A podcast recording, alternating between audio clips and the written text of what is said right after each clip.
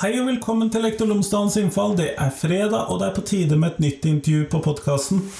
Denne ukens intervju er med Simon Malkenes. Han er nå blitt stipendiat ved NTNU, hvor han forsker på skolen. I denne ukens intervju så snakker vi rett og slett om hva skolen er, hvordan skolens tenkning har vært. Vi snakker om disiplin, vi snakker om fokuset på disiplin etter PISA-sjokket, som det så fint eh, kalles. Vi snakker om ulike sider ved skolens uh, gjøren og laden. Og hva skolen kanskje kunne vært for elevene, hva elevene trenger. Og vi kommer selvfølgelig innom Jens Bjørneboe.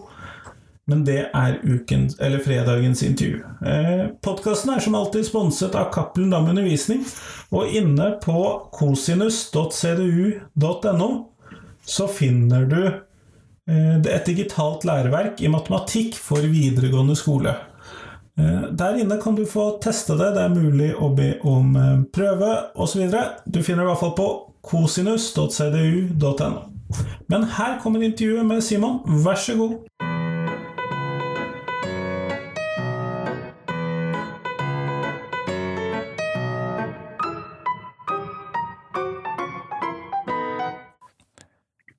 Simon Malkenes, tusen takk for at du har tatt deg tid til meg i dag. Jo, sjøl takk for at jeg får være med. Dette er jo andre gangen du er med, men eh, jeg tenker at du må presentere deg likevel. Eh, fortell lytterne mine tre ting om deg selv, sånn at de kan bli litt bedre kjent med deg. Ja, eh, jeg er jo akkurat nå så er jeg da doktorgradsstipendiat ved NTNU, og så sitter jeg i sentralstyret i Utdanningsforbundet.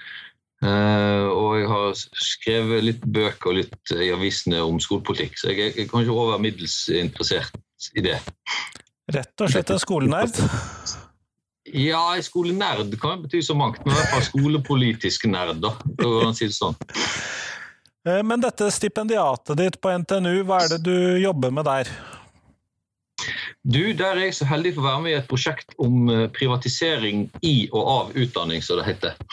Altså, hva skjer med skolen når en begynner å trekke inn private aktører i skolehverdagen? Og hva skjer med skolen når du organiserer den etter modell fra privat næringsliv? Så Det skal jeg få lov å, å, å ha et sånt eh, dypdykk i i årevis nå, og det er jo kjempegøy. Men da, er det da de private skoleaktørene du ser på, eller er det private tilbydere av opplegg og institusjon, eller sånn eh, fikserier inn i skolen, den offentlige skolen du tenker på? Ja, altså fikserier er det jo. Altså, jeg skal inn og se på spesielt på Kunnskapsløftet, da, og hvordan, eh, hvilken rolle det, måten eh, å tenke privat eh, og privatisering i skolen kom inn i skolen der. Så, eh, så et utgangspunkt er jo f.eks. hvordan en eh, en i Oslo har forsøkt å organisere skolen og skolestrukturene etter modeller fra fra privat næringsliv. Da. Så Det er ett eksempel. Jeg skal se på mange ting, selvfølgelig, men det er en inngang. Så, det høres ut som du har et arbeid foran deg der, ja? Ja, er, jeg, men jeg har jo vært borti det før, kan du si. Så, så det er ikke helt ukjent uh, terreng. Men, uh, men, det blir jo kjempegøy å, å, begrave seg i det her. Absolutt, det har jeg forståelse for. Når tenker du at du blir ferdig med det? Altså, Stipendiatet går jo i fire år. Så jeg håper jeg var ferdig innen uh, den tid. Men, uh, du vet jo at Det er veldig omskiftelige tider her. så Verden står jo og vipper med valg i USA og, pandemi og alt mulig. Så hvordan framtida se ut, det, det, er jo vanskelig å spå om. Vi får se. Det er det. Eh, grunnen til at jeg tok kontakt med deg denne gangen, er fordi at du holdt en forelesning i Oslo, og du eh, skrev et leserinnlegg til Bergens Tidende, og der var det en setning som jeg eh, hang meg litt opp i. Og du skriver at Jonas var starten på en omveltning i norsk skole, en omveltning som disiplindugnaden forsøkte å reversere. Mye står på spill i norsk skole de neste årene. Og da lurer jeg litt på, hva er det du tenker når du kommer med sånn, et sånt postulat, da? Ja, altså, jeg var jo jeg ble jo så, jeg var så heldig ble spurt om å holde et foredrag om Jonas av Bjørneboe, som da kom i, i 1955. og, og og Da måtte jeg begynne å lese meg opp på, på omkringliggende litteratur òg. Eh, og Det jeg fant ut etter hvert, som jeg òg eh, snakka om i, i, det foredraget, er jo at den boka, i hvert fall etter Bjørneboes intensjon, handler egentlig ikke om skole. Den, handler om, den er satt til skolen, men den har tematikk som er mye større enn skolen, som handler om hvordan en da utover på 50-tallet der, både i Norge, da, som Bjørnboe er tidlig ute med, men òg i resten av Europa, forsøker å forholde seg til de historiske erfaringene en har hatt i Europa eh, frem til, den tida med to verdenskriger og framveksten av eh, totalitære ideologier både på høyre- og venstresida. Og, og, og, og, hva, hva mennesket er i stand til. Og en, en har eh, forsøker å analysere det, forstå det og forholde seg til det. Uh, og uh, Sånn som jeg leser Bjørn Moe, så er det det han forsøker på først i den boka, men òg i en rekke bøker videre utover i forfatterskap. Så er det på en måte den underliggende tematikken som han forsøker å adressere. Og, og, og det oppgjøret som han setter i gang der, som er en sånn jeg kaller det tidsånden. Da, det er jo omfattende i, i europeisk filosofi og litteratur. Og fører òg fram til en, en en opprørskultur, en 68-generasjon som, som, eh, bryter med mye av det foreldregenerasjonen deres står for. Uh, Jonas er jo i boka født uh, i tidlig 1946, men der er jo jeg har jo måttet sjekke andre sånne uh, 68-helter. Jeg fant vel ut at Roger Waters var født i 1943. og John Lennon er født på den tida osv. Så, videre. så en del av de som blir på en måte de store bærerne av den protestbølga, tilhører den generasjonen som Jonas òg. Og i det der så ligger det òg en, en, tanke om skole og pedagogikk. Eh, og i Norge så har en en, en, en kjent sånn, egentlig sånn vitenskapsteoretisk debatt eh, som heter positivismestriden, men som handler om hvordan en hva som skjer når en, når en blir for teknisk og instrumentell i undervisninga, og en får en protest mot det, òg eh, i norsk pedagogikk. Og det, det fører fram i skolehistorien til en, en, en, en mer mer sosialorientert pedagogikk på, på 70-tallet osv. En lang historie her, men, men i, det der, i, det der, landskapet der, da, så, så, så er det et uh, brudd med et oppgjør, et opprør med, med fortida som da, eh, når jeg eh, skulle igjen undersøke eh, tematikken, jeg fant ut at blir forsøkt reversert i, i, med Kunnskapsløftet. I hvert fall i, i, måten det er omtalt på, da, som en disiplindugnad. Og, og, Man skulle få ro i klasserommet og sånn? Ja, altså Det det betyr konkret, er jo at en måten en leser og forstår og oppfatter hva barn og unge er og gjør, det er at barn som er da eh, ikke klarer å sitte i ro av ulike grunner, de må disiplineres. Eh, en, en, har ikke da den forståelsen av barn og leik og, og barns eh, eh, verden som, at det handler om at det ikke er så lett å, å sitte i ro og ta imot. Og at en derfor bør tilpasse skoleundervisning etter barns livsverden. Og, og Det overraska meg veldig når jeg, når jeg undersøkte der at Eh, eh, Kunnskapsløftet blir innført som en disiplindugnad. Det er ikke mitt begrep, det er forsida på VG når en eh, selger inn det her den reformen, spesielt etter PISA, den andre PISA-undersøkelsen i 2004, så, så inngangen ikke at vi er dårligere på resultat, men ungene må disiplineres. Da blir det bra. Og, det, det, ja, og I det perspektivet med Bjørneboe så, så ble det interessant, fordi at det er jo den den, den motsatte sida av det som Bjørneboe forsøker å adressere. Da, og det, det, tangerer den tematikken som han tar opp i boka. og Derfor syns jeg det var relevant og interessant. og Det gikk det plutselig an å trekke litt lengre linje i norsk skolehistorie og, og, og litteratur. og se noe på hvordan en forstår barn i skolesystemet. Det var, ja, så det var veldig gøy og interessant å få lov til å og grave seg ned i det.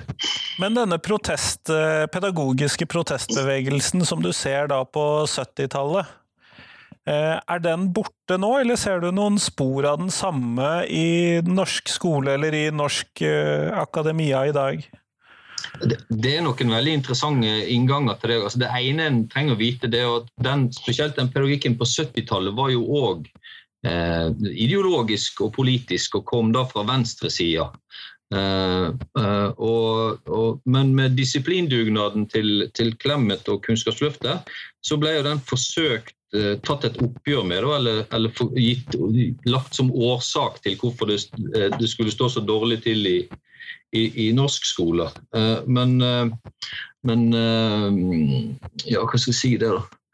Nå jeg, nå ringte telefonen min, så jeg måtte trykke av. Så da måtte jeg miste tråden. Du må spørre en gang til. Nei, altså Ser du noe spor til den protestbevegelsen? Ja, ja. Eh, det, det, som, eh, det, som, er interessant, Jeg har funnet en forskningsartikkel på det som, som, handler om hva som skjer med pedagogikken i klasserommet i Norge etter Kunnskapsløftet. Den, den blir jo mer instrumentell, men samtidig så går det òg an å si at lærerstanden og lærerstandens etos er, har så sterk tilknytning til den, den, måten å tenke skole på som da er mer eh, forståelsesfull og ikke så disiplinerende, som kanskje har en forankring i den, den, eh, den opprørstradisjonen.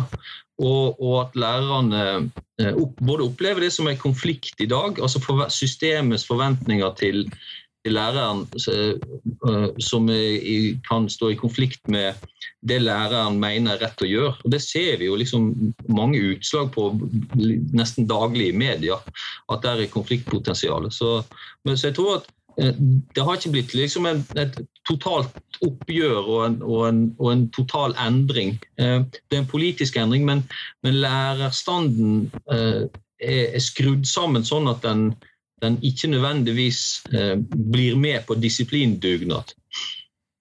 Nei, den er vel vanskelig å gjete totalt sett, uh, har jeg oppdaget etter noen år i yrket. Det er vanskelig å få lærerne til å marsjere i takt. Ja, og, og, det tror jeg er en bra ting. En trenger selvstendige lærere som tar gode vurderinger og gode avgjørelser. Så, så det, det, Eh, det går vel an å si at Disiplindugnaden som prosjekt har vel kanskje ikke lykkes, selv om en har endra skolen på mange måter. Men uh, som sagt, jeg tror at en del av de konfliktene som en har i, i Skole-Norge, eh, har opphav i det forsøket på å endre styring og innhold i skolen mot en mer eh, hva skal jeg kalle det? Altså, moralen i det er veldig konservativ moral, men en mer disiplinerende skole. Da. Og, og og Der ligger en sånn grunnkonflikt eh, som en òg erfarer i lærerhverdagen. Men hva tenker du er problemet med at vi har en disiplinerende skole? Hvorfor er det i utgangspunktet Eller hvorfor blir det problematisk? Det blir jo en, blir jo en, en, en sum av mange faktorer, selvfølgelig. Også, eh, eh, det, det, er viktig å, å, tenke at det er et skille mellom eh, ytre krav til disiplin. altså Enkelt forklart som det å skulle gå i takt og sitte i ro og ta imot og skrive ned. Eh, mot den, den eh, forståelse og, og, innsikt som en, som en må fremelske innenfra hos barnet, der barnet lærer seg å forholde seg til verden ut ifra eh, Eh, men òg eh, utvikle egen moral og forståelse av verden ut ifra eh, seg sjøl og, og, sitt indre. Så det er en, det er en sånn det er en konflikt mellom det, om det skal, disiplin skal, skal, kun påføres utenfra i en sånn eh, nesten behavioristisk tenking, eller om en skal fremelske individ og individuell forståelse og selvdisiplin, da, basert på Eh, barnas forståelse og moralske vurderinger av valg, sant, som, er, som, er, mye mer krevende. Altså, litt, av, litt, av, det tangerer òg en sånn tanke om at det er mer effektivt når alle går i takt. Sant? Og det er mer effektivt når alle sitter i ro. Og det, og det som en da eh, kategoriserte som bråk, som disiplindugnaden skulle, skulle, skulle løse og liksom fikse, det, det kan jo òg ha vært en annen måte å lære på som var mer sosial, sant? og som var mer du kan jo dra linja til leik og læring i skolen, da, som mer, handler mer om at ungene prøvde seg fram, istedenfor at de satt og tok imot, for å illustrere det veldig sett på spissen. Så, så det er, er noen ting der som, som det her eh, går, som òg går rett inn i den skoledebatten vi har i dag, og som, jeg kan se der òg. Så eh, ja. Men, øh, og så skriver du da i denne teksten i Bergens Tidende så barna fortjener en lekende, drømmende og utforskende skole der de minste ikke skal gå i takt. Ja. Det er mye uh, sitat her nå. ja, og jeg, jeg, jeg syns jo du hadde mange gode sitater her, sånn at det var veldig lett å ja, lage en basis. Ja. ja, altså det som det som forsvinner da i en disiplindugnad, og det, det mener jeg og er veldig viktig, det er jo barnas indre liv. Eh, hvordan det er å være barn, og, hvordan den voksnes oppgave er å prøve å forstå og leve seg inn i hvordan det er å være barn, for da uh, kunne nærme seg barnet på rett måte, slik at en, en lærer å, å forstå verden. Og, og, den forståelsen av barnets indre liv er, er, er trua av den, den uh, disiplindugnaden. Nå bruker jeg et ord som er trua, det er kanskje litt sterkt, men det er konflikter. Og du kan si det veldig enkelt med at uh, uh, visible learning som det har hett nå i Norge i, i, kom med boka si, er bare et utvendig blikk på hvordan barnet ter seg atferdsmessig den går ikke inn i hvordan det er inn i, inn i fantasiverden til ungene. Og Det som jeg prøver å si litt med, med Bjørneboe der, det er jo å forstå rikheten i barns indre liv og de fantasiene og, og det fantastiske som ligger der i, i, i, barnas fortellinger om verden. Og, og videre da inn i, i foredraget så går vi videre inn i språket til å se på metaforikken, og, og, og, spesielt da eh, den figuren som Bjørneboe skriver om eh, Jonas sin, sin, drømmeverden, som er helt fantastisk rik. Og, og der, er det inngang til å forstå unger på en helt annen måte da, i, i deres indre liv, som er et rikt og mangfoldig eh, en rik og mangfoldig verden full av spennende og interessante eh, eh konflikter og valg og moralske dilemmaer og utfordringer som de må løse på sin vei. Og da, eh, sånn som jeg snakka om i foredraget, da er vi plutselig over i fortellinger og, og, og, og eventyr og mytologi og, alle de måtene det her er formidla i kulturen på. Altså Alle fortellingene om magiske univers er òg fortellinger om barns indre liv. Så alle figurene, alle monstrene og alle de rare, underlige vesenene en møter, det er barn sine bilder på konflikter de er oppi. Og det er sånn som jeg bruker i foredrag, så bruker jeg en av de mest kjente metaforene er jo dragen. Dragen er jo en, en, en eh, figur som da uttrykker et begjær og en grådighet som, som eh, barnet, eller helten, da Helten i fortellinga er jo en figur som barnet identifiserer seg med. Jeg er så glad i den, når barn ser på sånne for, eh, fortellinger på barne-TV, kan man si de 'jeg er han'. Altså Det er en veldig empatisk innlevelse fra ungene i, i heltene i fortellingene. Og de må overvinne monster. Det er veldig klassisk altså fra Bukkene Bruse og Trollet. Så må du overvinne monster som er konflikter de er i, som er da eh, uttrykt i, i, metaforer i fortellingene. Og Dragen er en metafor på at en må overvinne grådighet og begjær for at uh, en skal få prinsesser. Sant? Og, og lærdommene det er djup innsikt i menneskesinnet som barna driver og oppøver seg forståelse av i sitt indre liv. Og alt det der det blir borte hvis du bare skal få bra kort for å sitte i ro i pals. Da, da er den rikheten i, i menneskesinnet det er blitt usynlig. Og så har det blitt til om du klarer å sitte i ro og være lydig og ta imot det du skal. Det, det, der, det er en bekymring jeg har for skolen, og jeg tror den lever videre. Men som sagt, jeg opplever også at lærerne er veldig oppmerksom på det. Men det blir ikke hørt, og det blir ikke forstått. For språket som en bruker når en uttrykker seg om barns indre liv, det er ikke et språk som fins i styringa av skolen. Det er ikke et språk som en, en kan, de ansvarlige for norsk skole eh, bruker eller forstår, det er borte. Så rikheten og mangfoldet i skolen og språket som det hører til, det, det, er, og det har lærerne, det har ungene, og det fins der.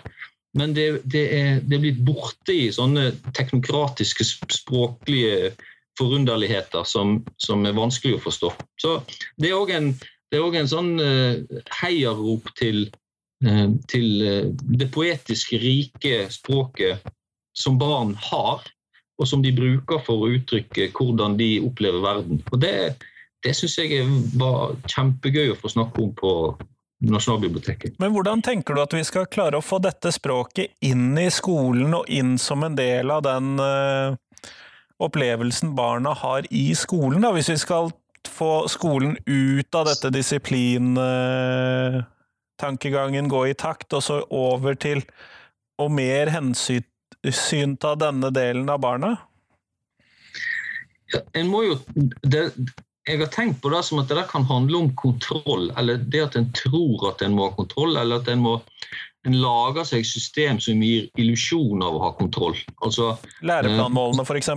Nei, ikke nødvendigvis det. men jeg tenker sånn, altså Et begrep som er brukt her, er målstyring. Det er veldig enkelt, og det er veldig mange som bruker det uten å liksom ha Det blir brukt på mange måter med ulikt innhold, men det sier noe om at du skal du skal forsøke å kontrollere framtida. Du skal sette deg et mål, og så skal du lage deg en vei dit. Eller du skal, du skal få et resultat en gang om så og så lenge. Og, og, og, da lager du en vei der det er mest effektivt eh, å gå for å komme seg til målet.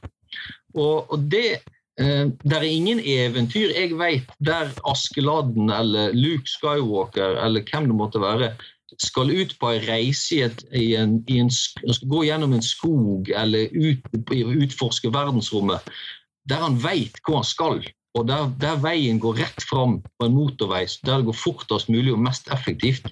Veien inn i framtida for ungene er jo alltid at du er i ukjent terreng og du møter ting som du ikke visste om på forhånd, som du må lære deg å forholde deg til.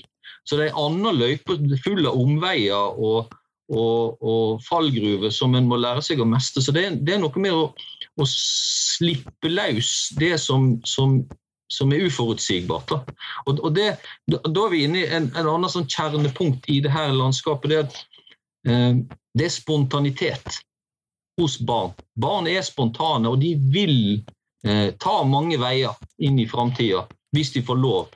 Men disiplineringa ønsker ikke spontanitet, for den vil en heller kontrollere. Og Der er det òg en sånn konflikt, fordi at eh, da mister ungene kreativiteten og spontaniteten og det som er uforutsigbart. Eh, alt fra i klasserommet til gjennom skoleløpet. Så det, det har litt med, eh, med det at en må, må, må slippe det løs, og så uh, gi det den tida det tar. Og det, det er mange, det er litt sånn uh, gi det den tida det tar, det, det er jo òg en måte å si En må vente og se. Sant? Du må vente på ungene, la ungene finne det ut sjøl, eller la de utforske det og gi det den tida det trenger. Det motsatte av det er tidlig innsats. Der forlanger du at alle skal fortest mulig lære seg å lese, eller så kollapser velferdsstaten om når ungene blir voksne. Det òg handler om framtida og kontroll. Så det er mange sånne rare innganger til det. Men, men en, hvis en slipper ungene løs, da, så får en òg, tror jeg, mer eh, En får lykkeligere unger. da. Og en får eh, unger som er spontane, og som, som er vel avslutta, denne Bjørnboe-teksten min. Altså, det er de som skal ta over livet på den planeten her, og de må fikse det vi ikke klarte. Og det klarer ikke de å gjøre med de ideene vi har kommet fram til. Så de er nødt til å være spontane og kreative eh, når vi ligger eh, seks fot under der de skal fikse det eh, gjørma vi har laga til. Ikke bare politisk, men òg eh, klima og, planeten vår. Det ser ikke bra ut. Sant? Eh, David Attenborough sin siste film sier at det, det er bare 4 av de levende dyrene på jorda som er ville. Sant? Så det er mye, mye, store størrelser her framme som, som, krever at de ungene som, skal, som vi skal sende ut i verden etter oss, har med seg på veien de egenskapene som trengs. Og det, Da må vi i hvert fall ikke ta de fra, altså frata de de egenskapene. Eh, eh, for de har de naturlig, hvis de bare får lov til å blomstre. Så, så, og der, Da må ungene være spontane, de må få leke, og de må få leke seg ferdig. Og de må få holde på uh, uten at de skal bli disiplinert. Uh, på den måten at de mister spontaniteten sin. Så de trenger et, du mener rett og slett at de trenger Fremtiden trenger at de, de, som da blir voksne, har en kreativitet som du frykter at disiplinskolen tar fra dem? da? ja, det er veldig satt på, på spissen, men, Men, men, nå er de nye læreplanene og, og sier jo at du altså, De er jo veldig opptatt av nettopp de tingene her. At en skal ha, være kreativ og kritisk tenking osv. Men samtidig så har du en skole som sier at eh, jo, eh, kreativitet og kritisk tenking det må vi måle, for det må vi vite noe om. Og Måten vi har satt til å måle alt de greiene på, det er fortsatt nasjonale prøver. Da forsvinner all kreativitet. Så det er, ingen, det er ingen måte å fange det opp på. Og da blir Det det er litt sånn som metaforene i barnets indre. Da har det allerede blitt usynlig. Det er ikke mulig å finne igjen kreativitet på nasjonale prøver. Så, så det er noen sånne store selvmotsigelser her. Da. Men jeg mener jo fortsatt det at eh, altså, hvis du ser stort på det hvis eh, vår art skal overleve og vi skal være her om, om noen generasjoner, så må vi gjøre drastiske endringer. Og det, vi har ikke fått det til. Jeg som er voksen nå, jeg har ikke vært med og, og fått det til. Det ser ikke bra ut. Det betyr at jeg skyver det ansvaret og sender det videre på de som går i skolen nå. Og Da må jeg i hvert fall ruste de best mulig til å fikse det. Og En måte uh, å gjøre det på, det er å si at jeg ikke vet hvordan framtida vil bli. Den må de, jeg må ruste de sånn at de kan, de kan prøve å ordne det sjøl, sånn som de vil ha det. Nettopp. Eh, det høres jo ut som en eh, relativt krevende oppgave for oss lærerne, men hvordan tenker du eh, den nye fagfornyelsen? Ser det foreløpig ut som et riktig sted, steg på veien, eller er det mer av det samme som vi hadde med Kunnskapsløftet? Jeg er litt usikker på hvordan jeg skal tolke deg der. ja, nei, det, jeg tror det, det, er veldig vanskelig å si noe konkret om det, fordi at den har kommet midt i en pandemi. Så det, den har fått litt hard start. ja, altså, jeg, jeg, det er ikke rettferdig mot, mot ideene bak der. Men, men, den har jo òg sånne um, Det har jo vært en debatt om livsmestring. Sånn, jeg tror ikke vi trenger å gå inn der, men det er òg sånne andre paradoks der. Sant? Altså, en vil endre, som jeg sa nå, en vil endre innholdet i skolen, men jeg vil ikke endre måten en skal måle eh, det en kaller kvalitet i skolen på. Sant? Så du får selvmotsigelser der. Men um, jeg, tenkte på det her i går òg at Eh, andre ting som også er interessant, som, som, på en måte ikke blir problematisert, er jo altså Hvis ungene skal lære kritisk tenking, og det må jo være bra, alle er enige om at det er bra, så skal de gjøre det fordi de skal, de skal kunne avsløre fake news på nettet. En annen måte å tenke om det på det er at uh, nei, det er ikke nødvendigvis sånn at løsninger på problemet er at skolene må lære ungene kritisk tenke for de skal avsløre fake news på nettet.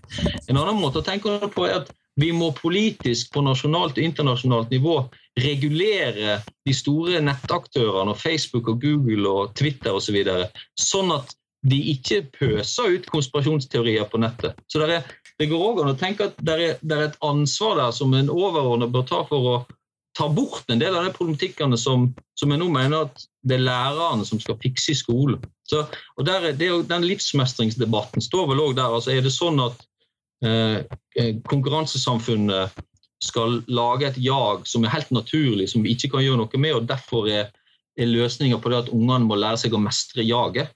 Eller kan vi gjøre noe med samfunnet rundt? Så Det, det, det, det er litt tilbake til den der uh, alt, Alle løsninger på alle problemer skal inn i skolen. Men du kan ikke gjøre noe med, med samfunnet rundt. Det er sånn der, Skolen skal utligne sosiale forskjeller. Ja, det kan du si, men, men uh, sosiale forskjeller kommer jo av Eh, boligpolitikk, sosialpolitikk, arbeidslivspolitikk osv. Det er ikke sånn at alle de tingene er helt umulig å gjøre noe med, og så må skolen fikse det etterpå. Så, så det er noen sånne ting som, som, eh, som, hadde vært spennende å kunne se på hvordan en håndterte, hadde ikke vært for at vi havna midt i en pandemi i tillegg, som òg er utfordrende for skolen. Så, så, så det er så mange lag her at en kan liksom snakke seg helt vekk.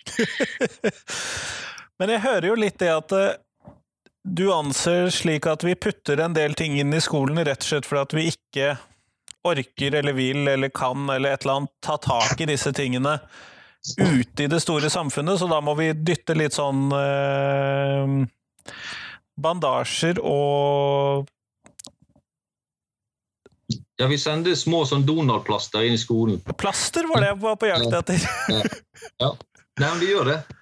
Eh, og det, og det, det, som jeg tror er, eh, Måten jeg må tenke om det på, det er jo at det er veldig masse av de tingene ute i verden ute i samfunnet som en forstår som naturlig og evig, og, og som er uforanderlig og dermed umulig å gjøre noe med. Sant? og det stemmer jo ikke. Ting forandrer seg, men òg ting kommer og går. Og det som en tror er naturlig og evig, det plutselig er det vekk. Det, um, det er jo skrevet en del om det nå at altså, nordmenn tror jo at uh, tillit og, og, og, velferd og små forskjeller er naturlig for Norge. Og det, det er sånn vi er født. Vi har ski på beina, og så, og så har vi tillit til hverandre. Det stemmer jo ikke. Det er jo en, en konsekvens av måten vi har organisert samfunnet vårt med en, en raus og, og, og, omsorgsrik velferdsstat som hjelper alle, men òg at en Eh, har et skattesystem som omfordeler eh, de ressursene vi har. Så, eh, men, men, folk tror det er naturlig og, og evig. Og, og, og, I det landskapet der ligger òg mye annet. Altså, en tror at det er umulig å gjøre noe med store størrelser.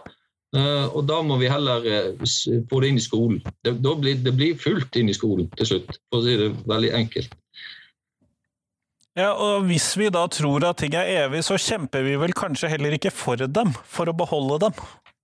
Det tenker jeg ofte er en altså, faktor. Altså, ja, men det, det, er et godt poeng. Altså, det, eh, det, er vanskelig å få, få øye på at det, det, er politiske kamper, da, når alle bare tror at det bare er sånn av seg sjøl. Eh, og en, og en, en mister av syne historien om hvordan, en har, hvordan folk har kjempa fram eh, de løsningene her. Eh, og og at de politiske kampene så er det motstandere. Eh, og, og hvis en eh, Sånn som eh, en sa en gang, hvis alle blunker på likt, så kan noen komme og stjele hele greia. Så en må følge med òg, ellers så blir det borte. Så Det er, det er jo det politiske aspektet, og, og da det skolepolitiske, som er, har òg den dimensjonen at det, det, er stort og alvorlig, for det handler om hva samfunn vi vil ha. Nettopp. Eh, vi går mot slutten av dette podkastintervjuet, og da har jeg tenkt å stille deg et spørsmål jeg for en gangs skyld ikke har forberedt deg på. Eh, men jeg tenker at du skal klare å ta dette på strak arm, og det er hva er de tre viktigste tingene du tenker at skolen lærer elevene? Som de lærer det i dag? Ja, eller eh, som du eller, ville at skolen skulle lært elevene? De tre viktigste tingene? Det viktigste er at alle er verdt noe. Alle er, er, er verdifulle, og alle er, er, flotte personer. Altså det å Selvverdet til elevene. Det er veldig, veldig viktig. Eh, det, så eh, bør ungene, eh, eller håper jeg, at de kan bli forstått som at de har gode evner og egenskaper på ulike felt og ulike måter, men at alle er flinke til noe. Og, og det tredje som ungene Ja, masse vanskelig å velge. Men, ja, det er ganske mye å velge i. ja, det er det. Men òg at, at altså selvverdet, at de er flinke, og at alle kan bli noe som er verdifullt for andre og for verden, uansett hva de blir.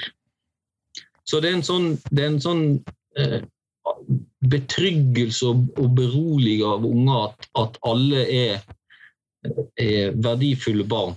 Uansett hva de måtte finne på, så er, er deres eh, vei gjennom verden den viktigste. Noe i den dur. Nå ble det spontant her, men jeg håper det ga mening. Det ga absolutt mening. Tusen takk, Simon. Sjøl takk.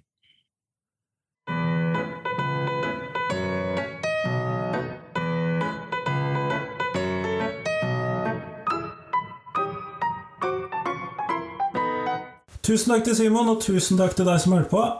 Rett over helgen så kommer det et nytt podkastintervju. Det skal du få lov til å høre om senere hva det handler om, men jeg kan røpe såpass at det handler om overvåkningskapitalisme. Det kommer i hvert fall da på tirsdag som kommer. Ellers så publiserte jeg i går en ny Tenketorsdag-post. Skal vi ha varm skolemat i Norge?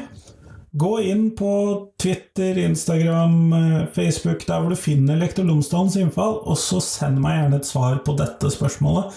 For jeg tror at det er viktig at vi i hvert fall drøfter det ordentlig, og at det blir mer enn bare en latterliggjøring slik det blir innimellom når det tas opp politisk.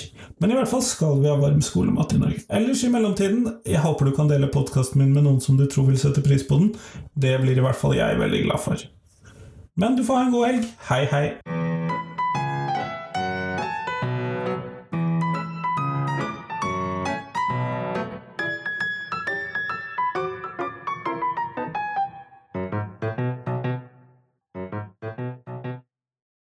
Husk at du kan gå inn på Instagram for å finne bilder av uh, Lektor Lomsdalens innfall.